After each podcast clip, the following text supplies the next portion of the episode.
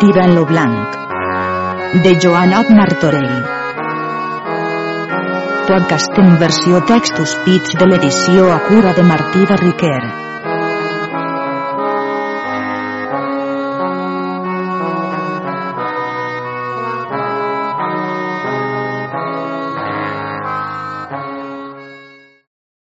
Episodi 3.13 Part tercera, tirant a l'imperi grec.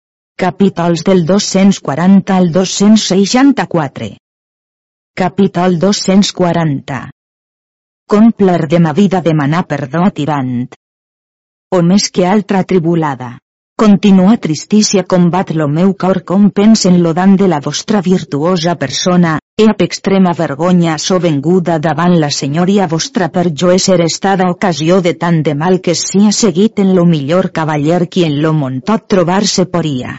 Mas per la molta amor que no ignorau qui us porté, desitjosa de servir-vos, m'ha donat atreviment de venir-vos davant, com pens que sou lo més benaventurat cavaller que ja més nasqués, trobant-se en la senyoria vostra tos temps misericòrdia, així als amics com als enemics, car per totes les corts dels grans senyors és feta memòria de la vostra grandíssima virtut.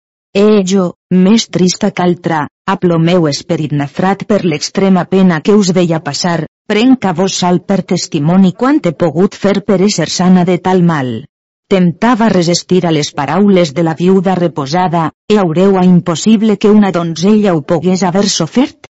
Però al fi, vençuda, més forçata, temerosa veu demanar-vos mercè, car vos teniu poder de dar-me mort o de conservar-me la vida, com jo si estada causadora del vostre mal, així com ho ha permès la despiadada fortuna. Per què demane de molta gràcia a la senyoria vostra que em vulla perdonar? E un sospir que dels retrets del cor de tirant espirant partia, fon principi a semblants paraules. Donzella virtuosa, no teniu causa neguna de demanar-me perdó, car culpa en res no teniu, he posat cas vos la tinguésseu, no una, mas mil voltes vos perdonaria tenent la molta volentat que tos temps vos he coneguda. He pregau a Déu que jo em lleve del llit, car més part teniu en mos venci en la mia persona que totes les dones e donzelles del món. E d'açò no us ne diré més per lo gran desig que tinc de saber d'aquella sereníssima princesa que ha fet en ma absència. Bé pens que amor haurà desmenuït en sa altesa, e no volrà més veure ni permetrà que ja més li vinga davant, aquesta és la major dolor que en aquest món puc sentir. He pensau que aquest mal que tinc no és res per a mi, car moltes altres voltes so estat nafrat en punt de retrespirit, em però aquest és lo que de tots punts me lleva lo saber. E la causa de ma extrema dolor és la descontenció que de mi té ma senyora, e això és lo que a mi fa dolre, per qui us prec, doncs ella, si mon bé desitjau, vos placi a voler-me dir tot lo que és de bé o de mal, e no em façau més estar en pena. Pler de ma vida geste cara afable li dix que era molt contenta de fer-li aquell servir, e ap baixa veu feu principi a un tal parlar. Capítol 241 Com pler de ma vida recitar tirant tot lo que serà seguit après de la sua caiguda.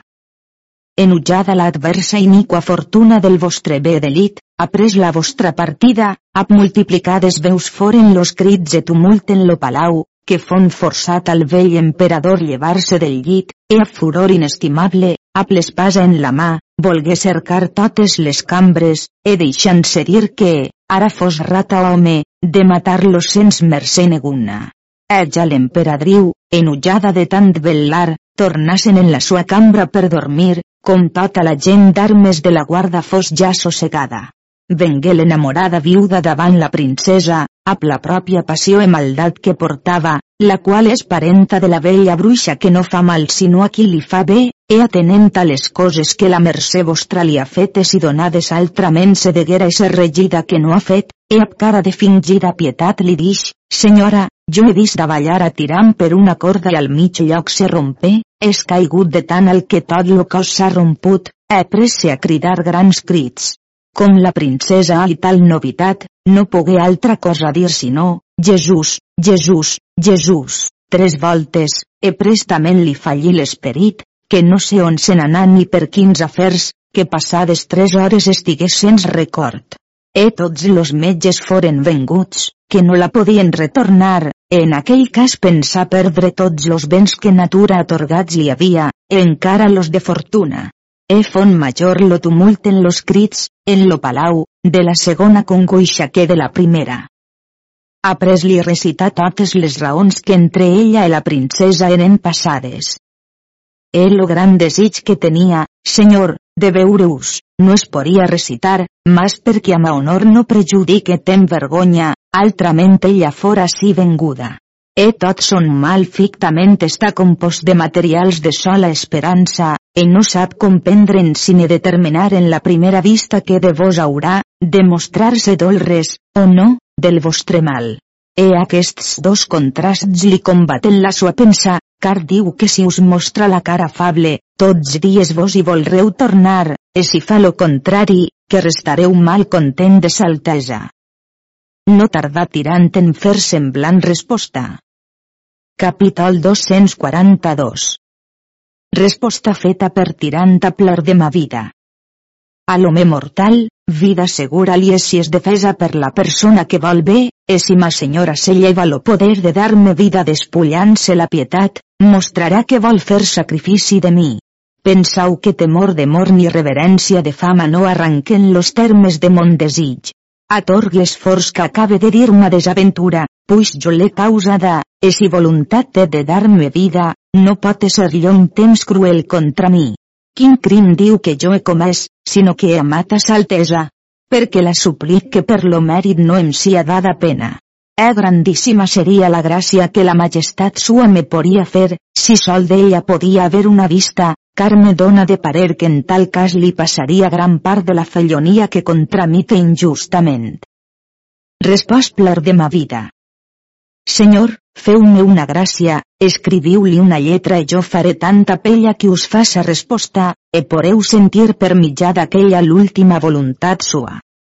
E estant en aquest parlament entraren per la cambra los homes que la princesa havia tramesos per cercar a plar de ma vida, e com la veren digueren-li tot lo que la princesa los havia manat. Respost plar de ma vida. Digau a ma senyora que ella no en pot forçar que jo la servesca per força, car a casa de mon pare me'n vull anar. Si jo us hagués trobada en altre lloc dix lo cavaller, jo hi més clara força en fer-vos i tornar. Però jo pens bé que la senyoria del capità no serà content que la majestat de la senyora princesa sia de servida, mas així com és virtuós usarà dels remeis que s'hi pertanyen. No dubteu en res d'ix tirant, que ma senyora serà en tot servida, e jo pregaré tant aquesta donzella, que ella se n'irà molt prest a vosaltres. Tirant se feu dar tinta i paper, e a la dolor gran que en la cama sentia no podia tan bé com volguera escriure, però tot lo mal, en lo blanc paper pintar les següents enamorades paraules. Capítol 243 Lletra tramesa per tirant a la princesa. Sí, per temença d'ofendre la majestat vostra, la mia mà fos estada impedida que tocat no hagués en la perfecció de la vostra real persona, lo meu infinit desig en vos no es reposara. Mas la mia mal avisada pensa no basta conèixer que lo premi de perdó dega obtenir sinó per mitjà del vostre valerós acost, e deu ser atribuït a molta culpa mia. Però, qui és aquell qui conegués les tantes singulars perfeccions que en vos tinc conegudes, que ja més en altra no conegui, d'aqueixa tanta glòria que els benaventurats més posseir no poden.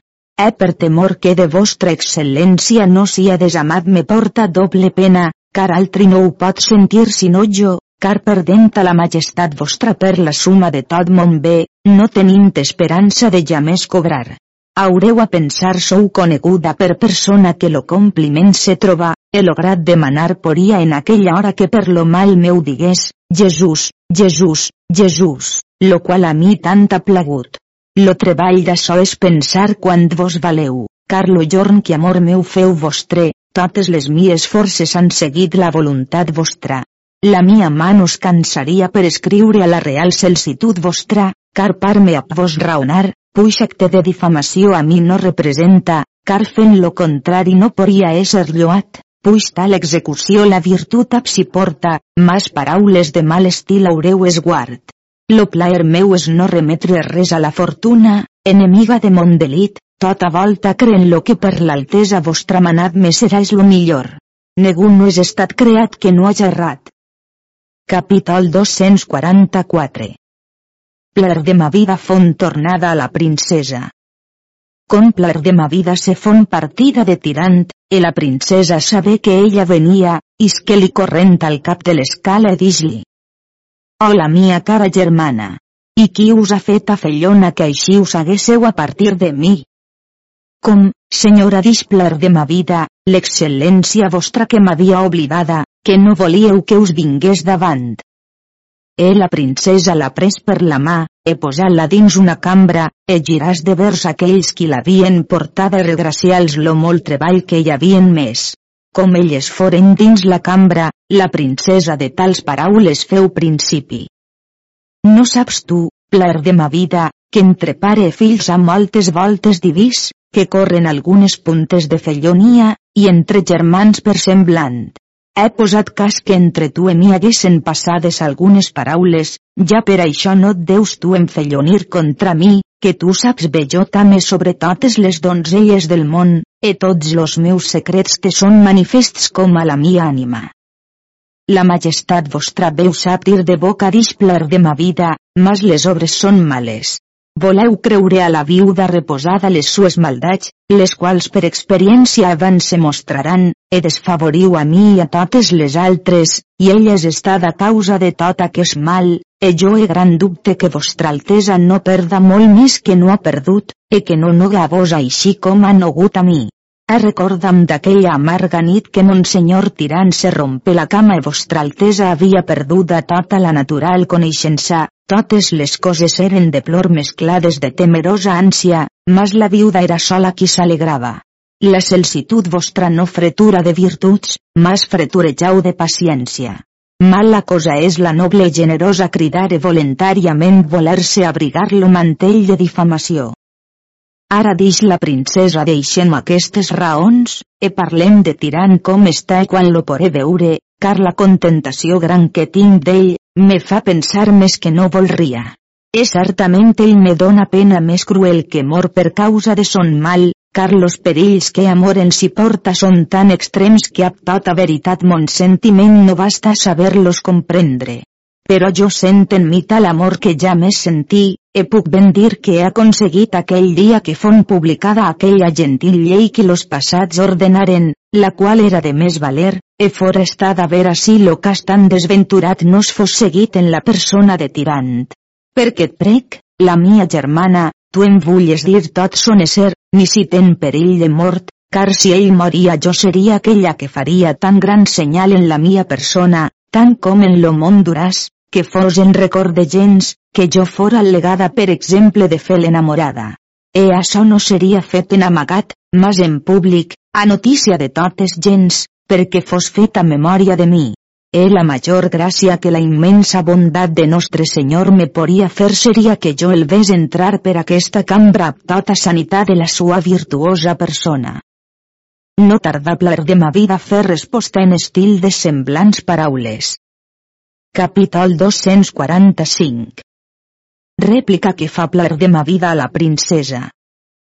Aquell senyor qui té poder i és donador de totes les gràcies li done salut i guarició presta, perquè la presència de la majestat vostra puga aconseguir estar prop de vos, e d'açò se tendria per lo més benaventurat cavaller que en lo món se trobe, e si açò li és denegat, més li valdria que coneixença de la celsitud vostra aguda no hagués e absent de vos, tot record que de vostres tants béns, que de la vostra gran singularitat venir-li porien, lo fa planyer e sospirar. És ou ben certa que ningú altre no és mereixedor posseir tal premi com és lo de la vostra singularíssima persona. Vostres paraules en ell no obren, ans lo revés li segueix. No vull dir injúria a la majestat vostra, sinó que a veritat puc dir que en amor no sou iguals, e no causa impropietat, com amor no guarda béns, ni llinatge, ni va a limitat orde, ans ap diversos esguards se fa més en uns que en altres, e més poderós es guarda, però, senyora, en vostra altesa és una acostumada virtut. Tramet-vos aquesta lletra lo virtuós tirant. la princesa la presa amb molt singular plaer, e com la llesta dix que resposta si mereixia. Capítol 246 Resposta feta per la princesa a la lletra de tirant. Encara la mia mà dubtava prendre lo paper, lo qual creia no ap maestria, la ploma escrivint ap paraules d'amistat ni menys plaents, ma lletra mostrar malvolença tes obres m'obligue. Si de fer mondir no fretura, hauràs a creure passions de noves maneres causades per tanta dolor, les quals tu m'has dades a sentir, e aquelles comportaré a paciència tant com la vida acompanyarà, car tanta crueltat en sems ab tan extrem amor jo pens ja més fos vista. Sol aquest pensament me força respondre a ta lletra, si creus les tues mans lo darrer terme d'elles han usat de novell ofici. He puixan agut delite glòria, no deuen ésser dignes de perdó, per so com seren despullades de tota pietat. He diverses vegades assagir, a paraules de benignitat, pregar-te no volguessis robar lo premi de ma honestat, e si les mies paraules no et movien a pietat, te devien induir a mercè les mies llàgrimes a la tristor de la mia cara. Mas tu, més cruel que lleó famejant, no guardant dret ni envers, has donada tanta dolor a la tua princesa. O oh, casta de ma innocència! Tan honest morir no em consentiren, ans portaren lo murmur de més darreres paraules a les orelles de la viuda reposada, e ven que l'emperadriu, parlant no em consentí vergonya, la qual sovint d'extrem amor és enemiga, però dolorosos sospirs manifestava lo covert seny de mes paraules. E en lo gran desorde de ma benvolença digui, no sé com, Jesús, Jesús, Jesús, llançant-me sobre les faldes de la duquesa, la causa per a on tenia ma vida avorrida. El qui pena mereix, e serà tal que no hages cura de mi que no la vull haver de tu. He fet a la resposta, dona la Hipòlit ap infinides en sems. Com Hipòlit fon tornat a tirant, dona-li la lletra, e ell la rebé amb molt gran plaer e fon content de la lletra, mas no del que lo peu d'aquella contenia. E feu sedar tinta e paper, e ab tot son mal escrevi la lletra de l'estil següent. Capítol 247 Rèplica que Tiram fa a la princesa. Atès a l'hora que totes les coses prenen repòs, si no jo sol, que fas la vela pensant en aquella manera de vostra altesa, he oït aquell trist mot, no hages cura de mi, car no la vull haver de tu, he sobrat per les contínues passions que amor a mi dona, la ploma he presa per esquivar aquells dans que lo vostre ignorar si porten, creen de tal manera usar vers mi que n'oblid meten los molts anys que en vos he despesos. Mas per la clara coneixença que del valer de vostra altesa tinc, no amb menys voluntat que la tenyer de vostra vista Déu regraciaria, ja sia infinidament li reste obligat per haver-me atorgat conèixer donzella que tant en lo món de perfecció se mostra complida, a fi que los pocs afeats qui lo meu voler no basten a comprendre que té poder de tanta singularitat com vos, car bé veig que la bellea de vostra majestat no mereix sinó per mi ser posseïda. Si lo vostre entendre coneixerà jo sia digne de resposta, sia tale que visca lo que fenesca pres ma vida, car no em trobe dispòs sinó en seguir tot so que per vostra celsitud manat me serà. Capítol 248 Lo principi dels amors d'Hipòlite de l'emperadriu Acabada d'escriure la lletra, tirant la dona Hipòlite pregal la donàs a la princesa present pler de ma vida, e cobràs resposta, si fer podia. Hipòlit donà la lletra així com li era estat manat, e la princesa la presa amb gran plaer. E per so com en aquell cas l'emperadriu venia per veure a sa filla ella no la pogué tan prest llegir, però com ella conegué que l'emperadriu estava a raons a Hipòlit demanant-li del mal de tirant ell responent-li, la princesa se llevà d'ellà on seia i entrasen en la cambra pler de ma vida per llegir la lletra. L'emperadriu deixa Hipòlit, ha pres moltes raons que de la malaltia de tirant tengudes sabien. La tua cara, Hipòlit, veig tota alterada, flaca i descolorida, e no sens causa, car la malaltia d'un tan valentíssim cavaller com és tirant, tota la sua parentela ne deuen estar amb molta dolor, car si em fas jo, que molta dolor ne passada e passe, car en la nit me desperte a aquella pròpia passió com si em fos marit, fill o germà o algun acostat parent. Après que em so recordada i he pensat en son mal tornem de bon grat a dormir. Prestament Hipòlit li respòs. Si jo estigués prop d'alguna senyora, que em trobàs en lo seu llit, per gran dormidora que fos no la lleixaria tan reposar com vostra majestat fa. Però de vostra altesa no en tinc admiració, perquè dormiu sola ningú no us diu res, ni voltejant no us fa cercar lo llit, e això és lo qui causa, senyora, la flaquea alteració de la mia cara, e no gens la malaltia de monsenyor tirant. E cascun dia de bon cor suplica Nostre Senyor que em vull llevar aquests pensaments tan adolorits que la mia persona sosté. No té un sentiment quina cosa és mal sinó sol aquells qui senten quina cosa és amor. L'emperadriu tingué presumpció que Hipòlit devia amar, e tota la tristor que la sua cara manifestava no devia altra cosa ésser sinó passió d'amor. E més, pensa que plar de ma vida, que en presència de moltes ho deia que amava Hipòlit, que no fos aquell lo seu mal. Enos tardà l'emperadriu a pestil de semblants paraules interrogar a Hipòlit qui era la dama qui tal pena li feia passar sense haver-li mercè. Capítol 249 com l'emperadriu demanà a Hipòlit qui li feia aquell mal. Si Déu te deixe complir ton desig en aquest món i en l'altre paraís a ver, digues-me, qui et fa tants mals passar? La mia trista sort dix Hipòlit, qui em fa desconèixer a Déu i a tots los sants. E si on estic no pensa la majestat vostra sia ma vida menys perillosa que la de tirant. Si vols bé fer dix l'emperadriu, no deus haver vergonya de dir la glòria de tos actes. Posat cas un manifestes a mi, lo premi d'honor me farà tos temps callar. Qui és qui gose manifestar la sua dolor dix Hipòlit a una senyora de tan gran excel·lència? Què falla vostra majestat sinó que portàs diadema de santa per vos se cantaste Déu laudamus e totes les esglésies fessen festa de dotze lliçons, per so com deveu ésser nomenada per lo món d'essa de la terra. No és cos humà dix l'emperadriu no dega escoltar, vull sia de bé o de mal, lo que cascú vol dir, car franca llibertat ha donada lo donador de totes coses, e quantes major en dignitat tan deu escoltar amb més humilitat. Senyora dix Hipòlit, jo ve a torc lo que l'altesa vostra diu, si lo meu raonar fos compost de batafalua daurada, so és, en lleis de justícia, mas que jo no tinc vassalls, vens mi heretatge que davant la majestat vostra hagués a venir. Eh pues tan saber-ho voleu, amor és, amor, lo que tinc, e no és roba que em puga despullar.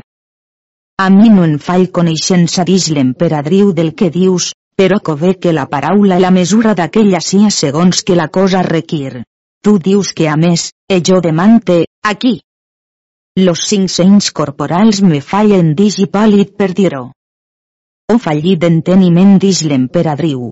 Perquè no manifestes lo que a tu fa dolre. Quatre coses són dix i pàl·lid qui per llur excel·lència excel·leixen totes les altres, e la cinquena és notícia de veritat, e com la majestat vostra sia aquella per aquella qui en lo cel és pronosticat jo us dega amar e servir tots los dies de la mia vida. He dit això no gosa tenir més cara, anacent, que més no dix. L'emperadriu lo crida com se n'anava, he de vergonya no gosa tornar e pensant-si, Hipòlit, que si li demanava per què no era tornat, que diria no haver-la oïda. Anasen envers la sua posada fent estima que havia mal parlat e pitjor obrat, e penedís molt del que dit havia. L'emperadriu restà amb molt gran pensament de so que Hipòlit li havia dit, ella més li isqué del cor tant com en lo món visqué. Com Hipòlit sabé que l'emperadriu se n'era tornada en la sua cambra, havent vergonya i temor del gran atreviment que hagut havia, penedís en si, e desitjava ésser partit per no venir davant l'emperadriu. Efon li forçà de tornar al palau per cobrar resposta de la princesa, entrar dins la cambra i trobar la que estava agitada en les faldes de plar de ma vida, amb altres donzelles que hi havia, les quals eren afectades a tirant. I pàl·lid la súplica li donàs resposta de la lletra que portada li havia. No tardà la princesa en fer i pàl·lid, de paraula, la següent resposta. Capítol 250 Resposta de paraula que feu la princesa a Hipòlit. so alegren despendre llargament lo temps de ma enamorada vida tan enamorades paraules com la lletra de tirant raonen. Jo li faré resposta en no gens dubtosa, car la sua mà mostra no enutjar-se d'escriure, encara que los cossos nostres sien separats, les ànimes són juntes en voluntat, e si lo saber m'acompanyàs que jo li pogués fer resposta, ho faria de molt bona voluntat, e perquè lo missatger és tan fidelíssim, e totes coses li poden ser comunicades, te prec me vulles de tant treball excusar. Li diràs com jo faré a plo senyor emperador que l'irem a veure un dia d'aquesta setmana, e si plaurà la virtut divina, ell serà guarit prestament, e serem excusades d'aquest treball. He precte que te'n vages a plo que t'he dit, car en aquest cas ma dolor tant augmenta que quasi fora de seny entri en aquesta cambra per llegir la lletra, e desig més estar sola que acompanyada, car tota companyia en aquest cas més odiosa. Respòs Hipòlit, Senyora, lo vostre cor mostra ésser sens pietat e la celsitud vostra vulla haver mercè de tirante perdonen-li los vostres ulls, perquè entre tants mals que feuds li haveu, li puixà sols recitar aquest poc de bé que ell de vos espera.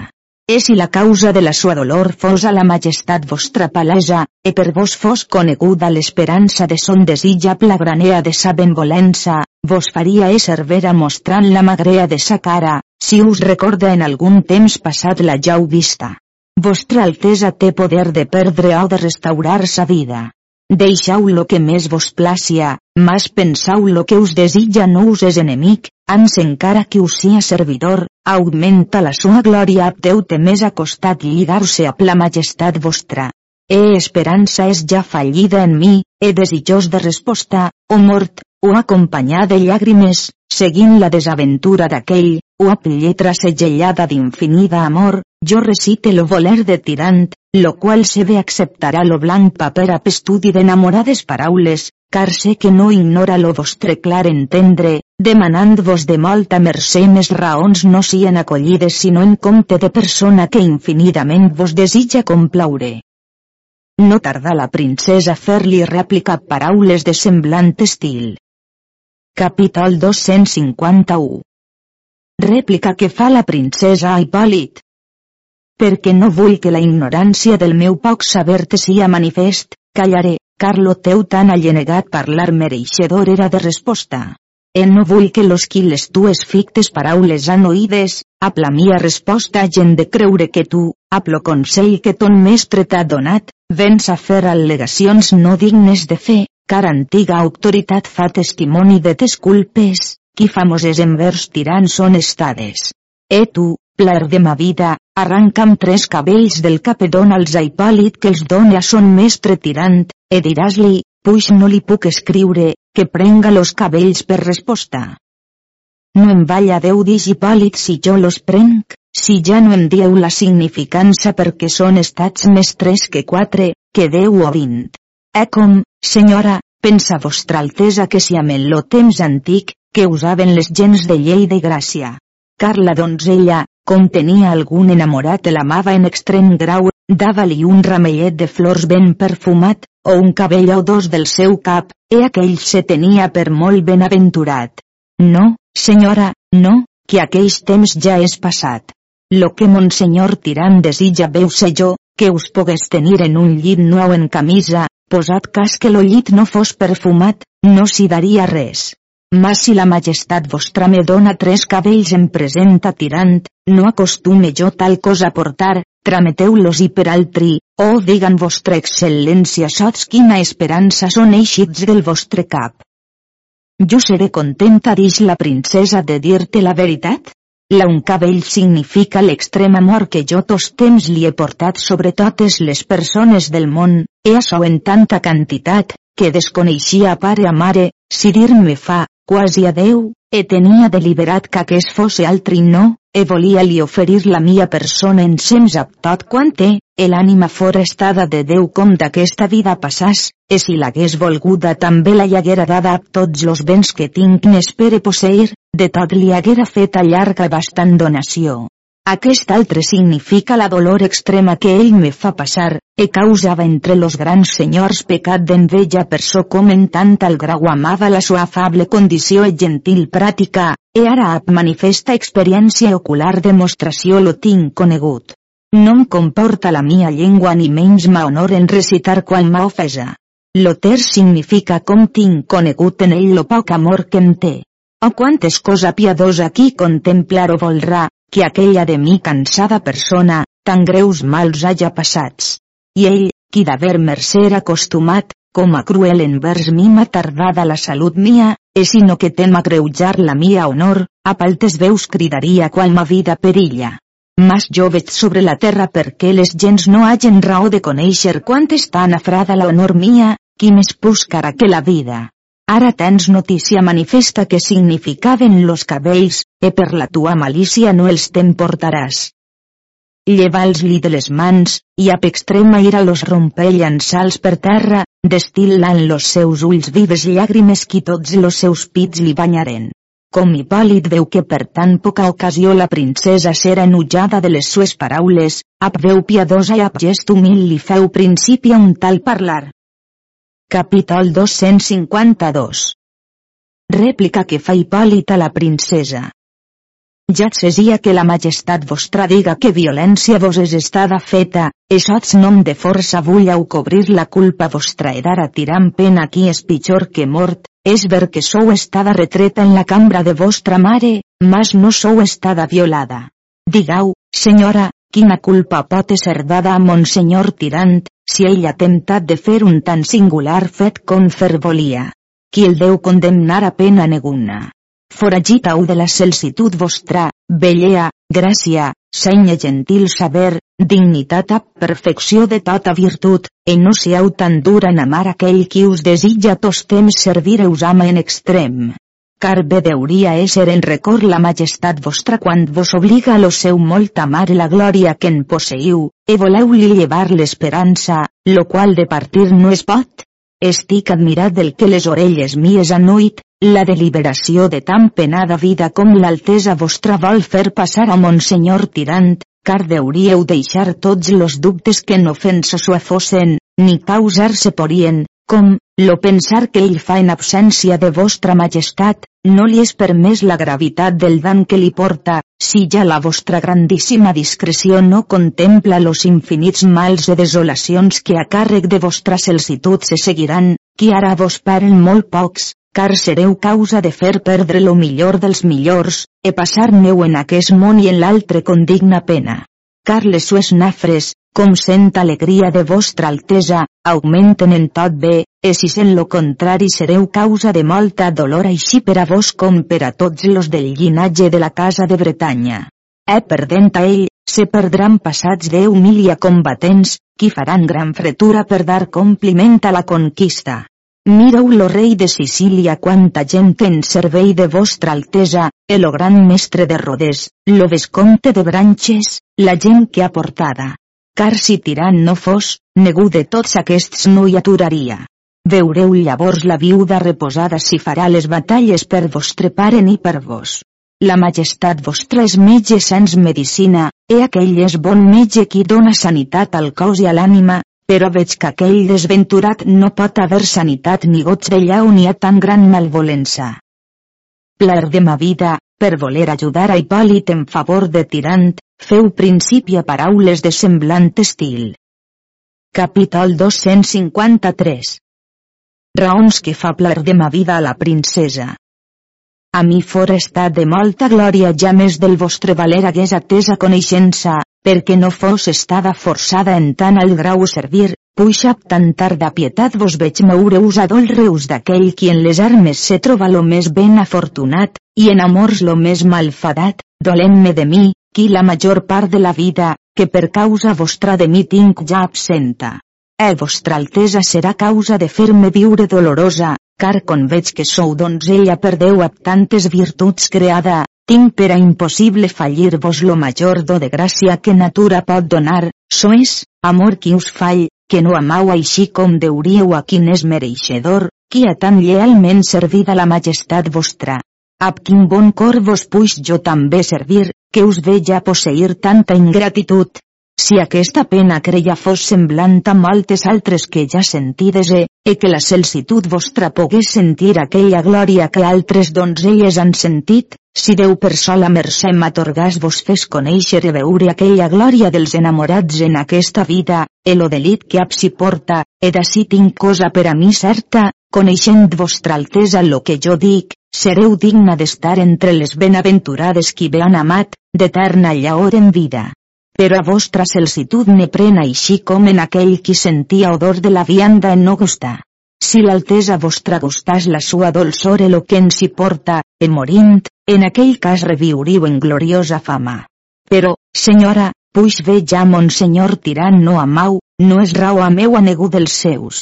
Encara vendrà temps que vos lo plorareu a ell i als seus, e us arrapareu los ulls de la cara, e maleireu lo dia i la nit encara la vostra vida. Car jo sé que tirant, lo jorn que porà cavalcar, ven la gran descontentació de vostra altesa, se mirà a la sua terra, e tots los altres per amor d'ell, e vos restareu així com sou mereixedora, e tot l'imperi se perdrà e com sereu morta i vendreu davant lo lluí de nostre Senyor, demanar-vos a compte de la vida vostra en estil de semblants paraules. Capítol 254 Reprensió ficta que fa plar de ma vida a la princesa. Per mi fon manat fos fet a imatge semblança mia, e de la costella de l'home fos feta companya l'home, e més, digui, creixeu e multiplicau lo món e ompliu la terra. Digues tu, Carmesina, jo qui t'havia llevat lo teu germà perquè fosses senyora de l'imperi, posant en aquella singular dignitat mundanal, quin compte me dones del que t'he comandat. Has pres marit. Has deixat fills perquè puguen defendre la fe catòlica i augmentar la cristiandat clar respondreu vos, displor de ma vida. Ai senyora, i com vos veig enfrescada, que resposta bona no hi poreu dar. Però la vostra resposta serà tal com vos diré, oh Senyor, ple de misericòrdia i de pietat. Perdoneu-me, Senyor, per la clemència vostra, el àngel custodi vos farà dir aquestes paraules, veritat és, Senyor, que jo amava un cavaller qui en armes era molt virtuós, lo qual la vostra sacratíssima majestat nos havia tramès per lliberar de les mans dels infels lo vostre poble cristià, jo amava aquest, ell hi tenia gran devoció i desitjava-l per marit, e com enamorat complaia el tot lo que ell volia amb tota honestat, e tenia una donzella en servir meu, qui es nomenava plar de ma vida, e donaven tos temps bons consells, e jo no els volia prendre, e posar-me una nit en lo llit, jo com a innocenta cridí, e com me fui reconeguda que allí estigui segura, e una viuda, qui sentí cridar, donar de grans crits, que tot lo palau feu a volotar de que se seguí cas de molta dolor e congoixa per a molts per la mia temor. Apres me pregaven que jo consentís a l'apetit del cavaller, e més ho consentí, en semblant cas respondrà Sant Pere, per so compte les claus de paradís, Senyor, aquesta no és digna d'estar en la nostra beneïta glòria per so com no ha volgut servar los vostres sants manaments, llançar-vos endins en l'infern, en companya vostra la viuda reposada. E com jo passaré d'aquesta present vida, en paradís serà feta gran festa de mi, e dar-me en cadira en l'eterna glòria en la més alta jerarquia, e com a filla obedient seré coronada entre los altres sants. L'emperador entrà per la cambra, que per ningú no fon vist, e estigué un poc amb sa filla, e presa Hipòlit per la mà e parlaren dels fets de la guerra i de la malaltia del capità. Així parlant, entraren per una cambra on era l'emperadriu, e sens dubte en aquell cas Hipòlit volguera ser lluny d'ella una jornada. Com ella el veu, mostrar-li la cara afable mirar-la bona voluntat, llevas d'allí on seia i acostàs a l'emperador, e los tres parlaren allí de moltes coses, especial vengueren a parlar de la cruel fortuna qui en tan gran jovent havia fet lleixar a son fill la misèria d'aquest món, e l'emperadriu se pres a plorar. Entraren per la cambra molts cavallers ancians qui eren del consell, e aconortaren molt a l'emperadriu, e aquells recitaren a Hipòlit la grandíssima virtut que l'emperador mostrà com li portaren la nova com son fill era mort. Lo benigne senyor, oint l'amor de son fill, resposa el cardenal e altres qui lo denunciaren.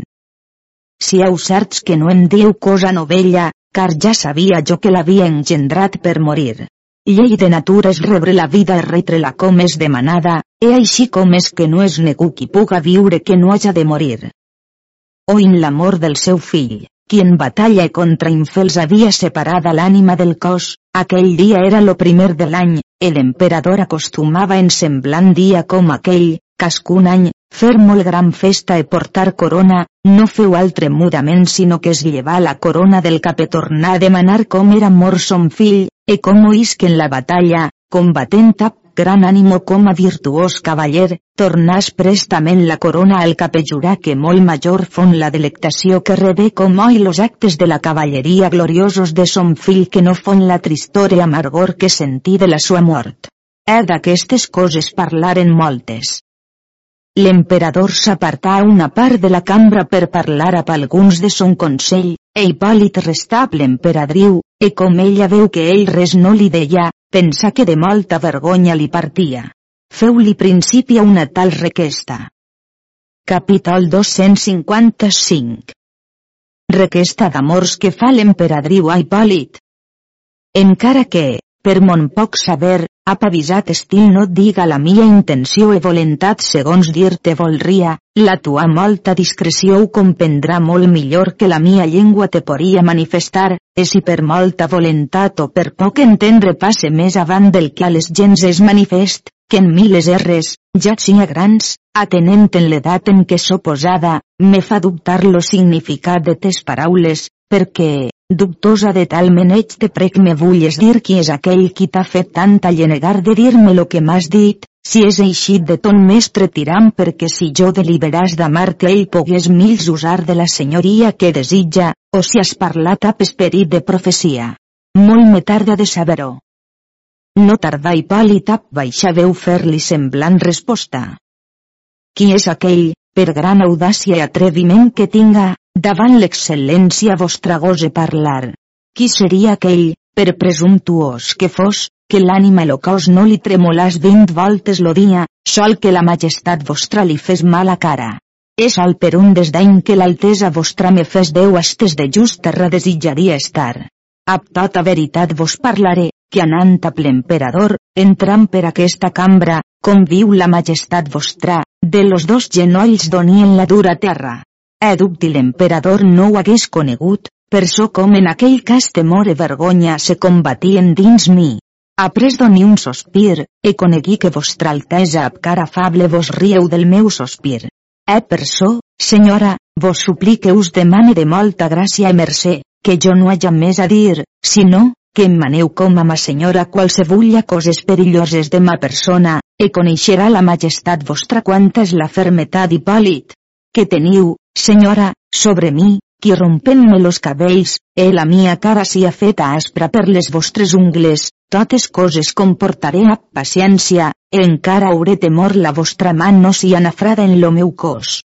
En lo que la majestat vostra diu de tirant, ap juraments dignes de fer vos faré segura que tirant ni mon confessor, qui és pus fort, tal cosa ja més saberen de mi.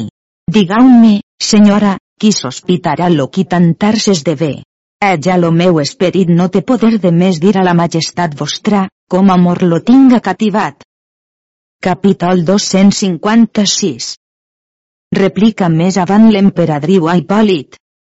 Jo ho volguera, Hipòlit, tu m'haguesses fet certa del que jo et demane, e no deus per res estar de dir-me clarament a intenció, car amor no accepta noblesa, ni llinatge, ni igualtat, car no fa diferència si és d'alt lloc o de baix.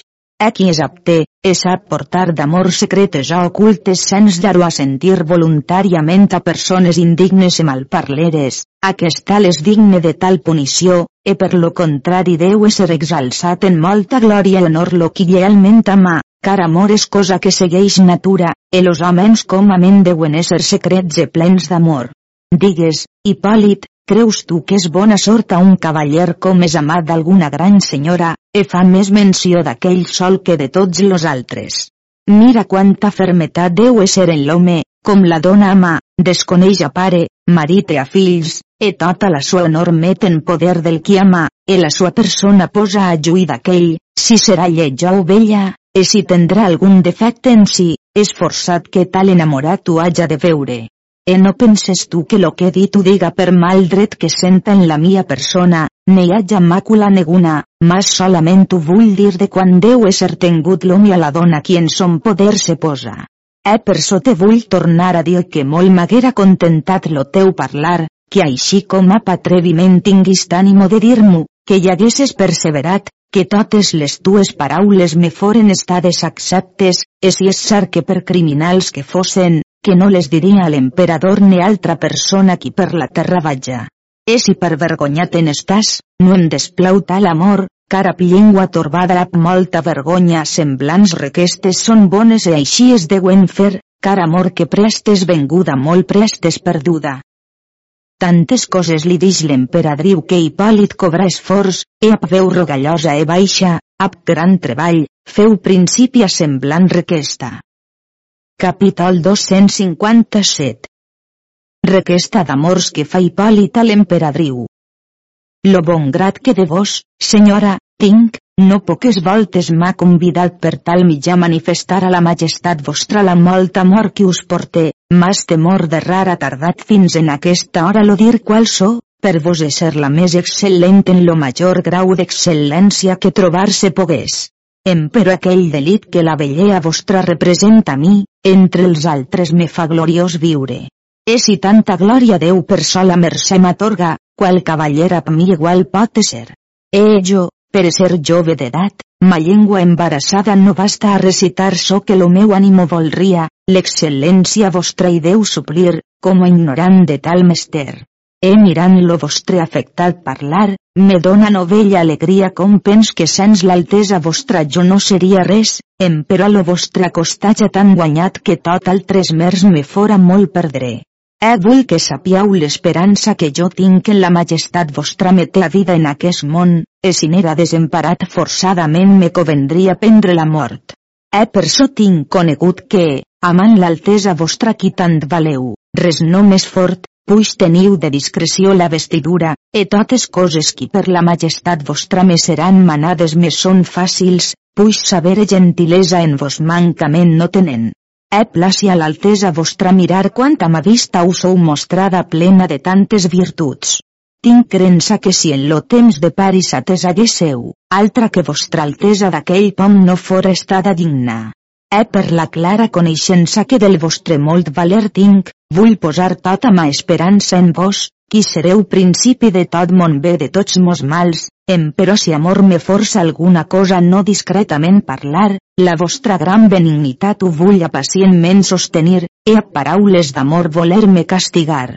Solament vos suplic, agenollat als vostres peus, me façau ser per l'honor vostra com regir-me dic, e açò serà a mi d'infinida estima, tant que lo parlar delitós me fa venir los ulls en aigua per infinida amor que us tinc. No tarda l'emperadriu en fer-li resposta a paraules de semblant estil. Capítol 258 Resposta que fa l'emperadriu a Hipòlit. Les tues afables paraules meriten resposta, e no tal com tu volries, per so com has posat lo meu cor en gran treball i pensament. Car pense qual és estada la causa que t'ha dat esperança de mi, com la mi edat sia tan desconvenient a platua, que si tal cosa era sabuda, que dirien de mi? Que de mon net me so enamorada. D'altra part veig que amor no és certa, ni abfermetat, en los estrangers. E són benaventurades aquelles que no tenen marit per poder-se mills dispondre'n ben amar. E jo, qui no so acostumada de tal meneig, pens que a mi seria molt difícil poder contentar lo teu apetit, perquè la tua esperança tarda vana és, per so com altri posseix lo que tu desitges, per bé que si jo volia oblidar los termens de la mia castedat ho podria ben fer, encara que fos gran la mia culpa. Jo bé conec que la tua joventut e bella disposició, per bé que hages tingut gran atreviment, dignes de perdó. E qualsevulla donzella li seria molta glòria que de tu fos amada, em però jo estime més que altra sia benaventurada per lo teu amor, sens crim o infàmia, que si jo peria per amor d'home estrany. L'emperadriu no pogué més parlar per so com l'emperador se fon llevat d'allà on seia.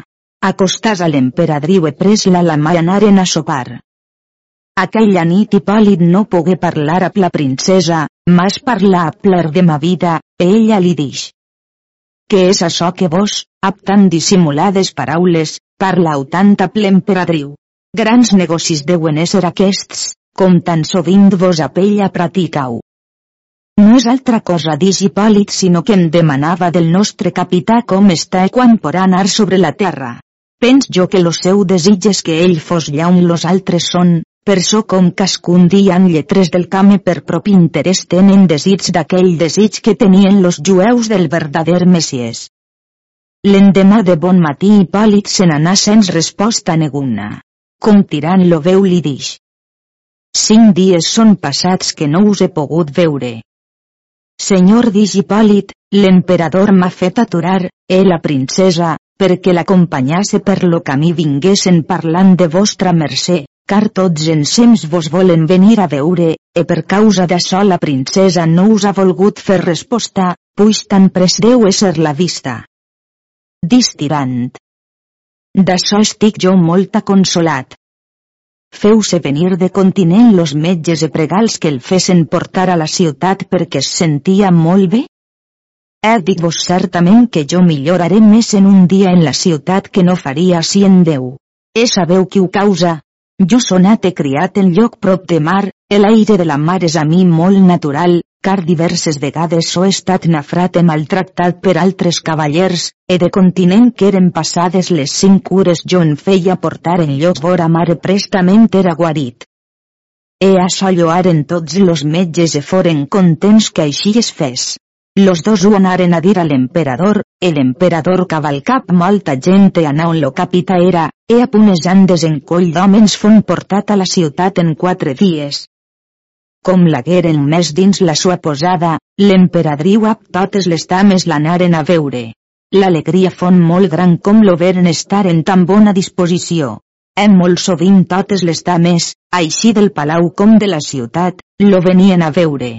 Emperò l'emperadriu, perquè tenia algun sentiment, per una donzella sua de qui ella fiava molt més que de les altres, poques vegades se partia de sa filla com era en la cambra de tirant, e gens per això no restava que no practicassen de llurs amors, anant e venint plaer de ma vida cascun dia amb gran sol·licitud, desitjant concordar la batalla que vengués a fi. Deixem de recitar de tirant e tornem al camp. Com les treves foren passades, la guerra comença cruel i brava, saben los turcs la malaltia de tirant. E ap la molta gent que els era venguda, cascun dia venien prop de la ciutat de Sant Jordi, on era lo camp, e cascun dia s'hi feien de molts vells fets d'armes, e morien i molta gent d'una part i d'altra en tant que un dia los turcs vengueren a tot llur poder per rompre l'aigua per so que no els fes tant de dan com feia, en no la pogueren rompre, los cristians soltaren totes les aigües perquè los turcs no se'n poguessin tornar, e ompliren-se tots los camps d'aigua en tal forma que mataren dels turcs passats tres mil aquell dia. Los turcs tenien gran desig de venir a batalla amb los cristians, e per quan la morisma era tanta, los cristians deliberaren de no esperar la batalla, en aquell cas tots desitjaven la salut de Tirant així com la llur pròpia, e tots estimaven que si Tirant hi fos, que no hagueren desdit a la parada. A cascun dia l'emperador los escrivia de l'estament en què Tirant era posat, per animar-los, e dient com ja es llevava del llit perquè era de gran necessitat que la cama s'enfortís e tornàs en son degut estament.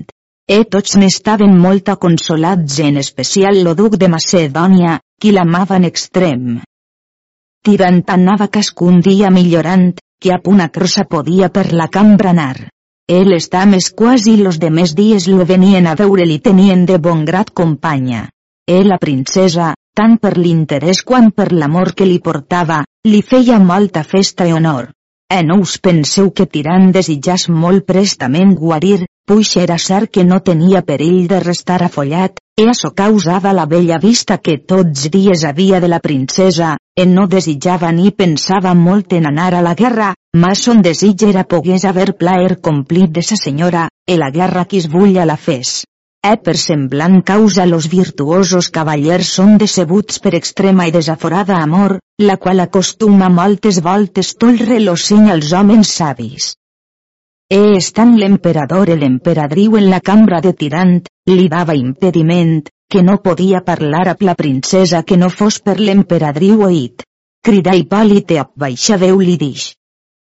Ves de fora e torna prest, e posant-te al costat de l'emperadriu posa la noves del que coneixeràs que en grat li vinga, e jo experimentaré si la mia passió por a la princesa referir. He tornat Hipòlit del que era estat concertat, posàs al costat de l'emperadriu e apes forçat ànimo a la veu baixa li presenta forma de semblants paraules.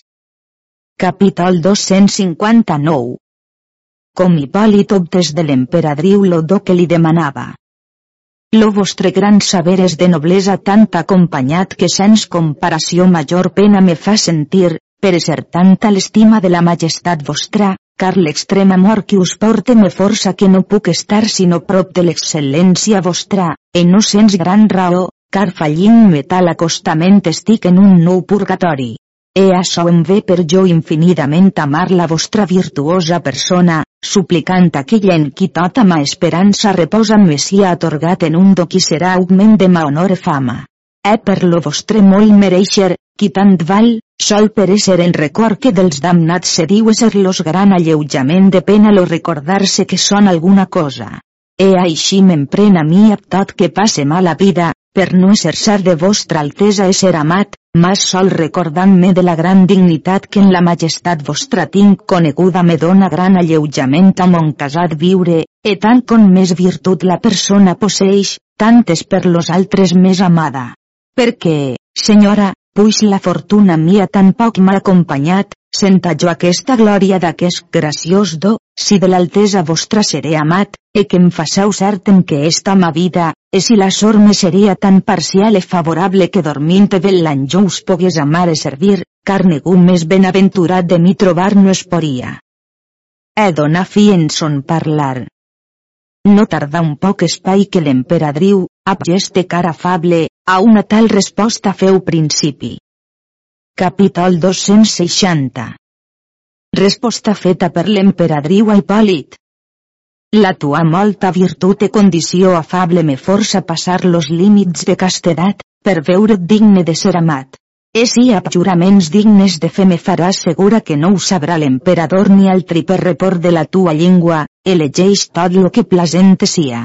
E si vols acabat de lit tenyer, no penses los perills esdevenidors, car seria cruel seguretat, si lo contrari es seguia, en veurem en perill, dolor e carregosa difamació, e la vida mia que no seria prou segura, em però jo confie de la tua molta virtut que tot seràs fet al plaer meu, e faràs així que en la callada nit, qui dona alleujament als treballs e reposa totes les criatures, si és cert d'esperar-me en aquell terrat prop la mia cambra.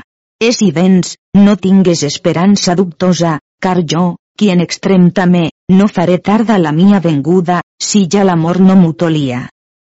E Hipòlit volgué demanar un dubte que li ocorria, el emperadriu li dix que de gran flaquea d'ànimo venia a pensar tots los perills si tanta d'amor tenia com les sues paraules feien demostració. Fes lo que jo et dic, en no cures a present d'altra cosa. Hipòlit respòs. Senyora, jo sóc content de fer tot lo que la majestat vostra me mana. He posat en segur de tot lo que ella dubtava. Complit lo raonament, l'emperadriu se partí de la posada de tirant amb totes les altres dames. Com foren dins lo palau, dix l'emperadriu. Anem a visitar l'emperador. Com foren a pell estigueren un poc solassant. Après l'emperadriu se llevà a la congoixa de la nova amor qui la portava, e dixa carmesina. Resta tu ací ap aquestes donzelles e faràs companyia a ton pare. I ella fon contenta. L'emperadriu se n'anà a la sua cambra i dixa les sues donzelles que li fesen venir los cambrers per so com volien mudar les cortines de ras e posar-n'hi unes altres de seda totes brodades, dient. L'emperador m'ha dit que vol aquesta nit venir ací, e desitge li fer una poca de festa per so com a gran temps que no hi és vengut. Feu prestament desfer tota la cambra, e feu-la emparamentar tota de draps de brocate de seda, après feu molt bé perfumar la cambra lo llit. Com hagueren sopar, L'emperadriu se retragué dient que lo cap li dolia, e dix-li una donzella, qui es nomenava Eliseu, en presència de totes les altres. Senyora, vol vostra altesa que faça venir los metges perquè us donen remei. Fes lo que et vulles dix l'emperadriu, mas dona ordre que l'emperador no senta res perquè no s'excusàs de venir ací esta nit. Prestament vengueren los metges e tocaren-li lo pol se trobaren-lo i molt mogut per lo moviment que tenia, que s'esperava entrar en lliça de camp close-up cavaller jove, e dubtava la perillosa batalla. Digueren los metges. Vos serà, senyora, que la majestat vostra prenga uns pocs de canyamons confits a punt got de malvasia, e alleujar-vos en lo cap e faran-vos dormir. Respòs l'emperadriu. Jo pens bé que serà molt poc lo meu dormir, per lo gran mal que sent, e molt menys lo reposar, car segons la disposició que em sent, jo crec cercaré tots los racons del llit. Senyora digueren los metges, si tal cas era com la majestat vostra ha raonat, trameteu prestament per nosaltres, o si preneu plaer que façam la vela a la porta de la vostra cambra o ací dins, perquè d'hora en hora vos pugam mirar en la cara, e així passarem tota la nit. Tal servei dix l'emperadriu no accepte a present, ni tal proferta, car tot lo llit vull tenir per meu, en no vull que ningú de vosaltres me miràs en la cara si en negun delit estava, car tal mal com jo tinc no comporta vista de ningú, e a aquesta vos ne podeu anar, car jo em vull posar en lo llit. Los metges se partiren. Com foren a la porta li digueren que no s'oblidàs los confits e aquells remullars bé a pla malvasia, que gran bé li farien en lo ventrell. El emperadriu fon obedient, que una gran capsa se'n menjar, pres los remullar molt bé. He manà que perfumassen molt bé lo llit, i en los llençols i en los coixins feu posar al galià. Com açò fon fet, ella ben perfumada, manà les sues donzelles que se n'anassen a dormir, e que tancassen la porta de la cambra sua. En la cambra de l'emperadriu havia un retret on ella s'acostumava de lligar, en lo retret havia una porta que eixia en un terrat, on Hipòlit estava. E al llevar que ella es feu, Eliseu ho sentia llevar prestament pensant que tingués algun mal, e trobant-se en la cambra dix-li. Què té l'altesa vostra que així us sou llevada? sentiu-vos més mal que no feieu. No, respòs l'emperadriu, anys me sent molt bé, mas era m'oblidat de dir aquella devota oració que jo acostume cascuna nit de dir. Dix Eliseu. Senyora, feu-me tanta de mercè que vostra altesa l'em vull a dir. Soc contenta dix l'emperadriu, és aquesta, que en la nit, la primera estela que veuràs, agenolla't en terra diràs tres paternostres e tres ave maries en reverència dels tres reis d'Orient, que els placi a voler-te recaptar gràcia a plo gloriós Déu Jesús e a la sua sacratíssima Mare, que així com ells foren guiats e guardats anant, velant, dormint estan de les mans del rei Herodes, que els placi a voler-te recaptar gràcia que si és lliberada de vergonya i infàmia, e que totes les tues coses sien prosperades augmentades en tot bé, e si és certa que obtendràs tot lo que vulgues. E no em trobes de ma devoció. La donzella se'n tornà al llit, e l'emperadriu entrà en lo retret. E com conegué que la donzella era en lo llit e sentí tocar l'hora de l'assignació, vestí sobre la camisa una roba de vellut ver forrada de marcs gebelins, e oberta la porta del terrat, veu estar a Hipòlit estés per lo terrat perquè no pogués ser vist per ninguna part, tingueu a molta glòria pensant que aquell guardaria molt la sua honor.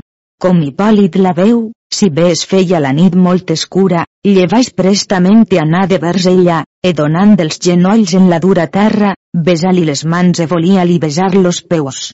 Mas la valerosa senyora no ho comportà, mas besal moltes voltes en la boca, pres-lo per la mà mostrant l'infinida amor, e dix-li que anassen a la cambra. Eh dix Hipòlit. Senyora, la majestat vostra m'haurà de perdonar, que ja més entraré en la cambra fins a tant que lo meu desig senta part de la glòria esdevenidora. He pres-la en los braços e posar-la en terra, he aquí sentiren l'última fi d'amor. Après, ab grandíssima Letícia, se n'entraren en lo retret. Hipòlit mostrant molta gran contentació, donant-li pau verdadera, a alegre ànimo e gest amorós li feu principi a un tal parlar. Capítol 261 Com Hipòlit mostra de paraula la contentació que té de sa senyora. Si gosàs dir la glòria que mos sentiments en aquesta hora senten en haver atès la gran perfecció que en la majestat vostra tinc coneguda, no crec ja més la mia llengua fos suficient en poder referir tanta gentilesa com en l'excel·lentíssima persona vostra se troba. No sé ab quin mitjaniar de paraules vos puga manifestar quanta és l'amor que us porté, e quan d'hora no ara augmenta en mi, car certament no és en ma potència la menor part d'aquella recitar-vos pogués, ni menys volria que per boca d'altri hagués a sentir vostra altesa en quina possessió em té, car pensant-me dar espai de tan penada vida, mos mals doble dolor prendrien. No tardà l'emperadriu, ab cara gest afable, en fer-li semblant resposta. Capítol 262 Rèplica que fa l'emperadriu a. Encara que la mia pensacia estada atormentada, no resta que no em trobe en lo més alt grau de coneixença de tu, la qual cosa, per no fendre tanta singularitat que en tu jo trobe, no em clamaré de tu ni menys de Déu ni de mi mateixa, puixap tan gran partit meu t'he sabut guanyar. Senyora Digipòlit, no és ara temps de fer moltes raons, sinó que us demande molta gràcia i mercè que anem al llit, e allí parlarem d'altres negocis que augmentaran lo vostre delit i serà molta consolació mia. He dit això, Hipòlit prestament font despullat, anà la gentil vella despullar-li la roba que vestia, es resta en camisa. E tenia la sua noble persona de tanta gentilea disposició, que coneguera, qui en tal sola ves, com era donzella que posseia tanta bellea com en lo món trobar-se pogués. Esa filla carmesina en moltes coses li era semblant, mas no generalment en totes, car aquesta en son temps l'excel·lia. Lo galant la presa al braç e pujala en lo llit, e aquí estigueren parlant e burlant així com de persones enamorades s'acostuma. Com fon passada mitjanit, la senyora llança un gran sospir. Per què sospira vostra majestat d'Hipòlit? Digau-m'ho, jo us clam mercè, si Déu vos deixe tot vostre desig complir. Seria estat per poca contentació que tingau de mi. Tot lo contrari és del que dius dix l'emperadriu, car ans més augmentada la voluntat, per so com en lo principi te tenia en figura de bo, ara de molt millor i més valent.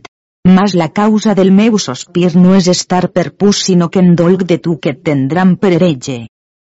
Com, senyora Digipòlit? Quines coses he fetes jo que per heretge m'hagen a tenir? Certament dix l'emperadriu si poden fer, per so com t'has enamorat de ta mare has mostrada la tua valentia. Senyora Digipòlit, ningú no té notícia del vostre molt valer sinó jo, qui mire la vostra galant persona qui té compliment de tota perfecció, en no veig res qui demasiat sia. D'aquestes coses i moltes altres passaren los dos enamorats, ab tots aquells delits i llepolies qui solen passar per los qui bes volen, en no dormiren de tota la nit, que quasi lo dia volia venir.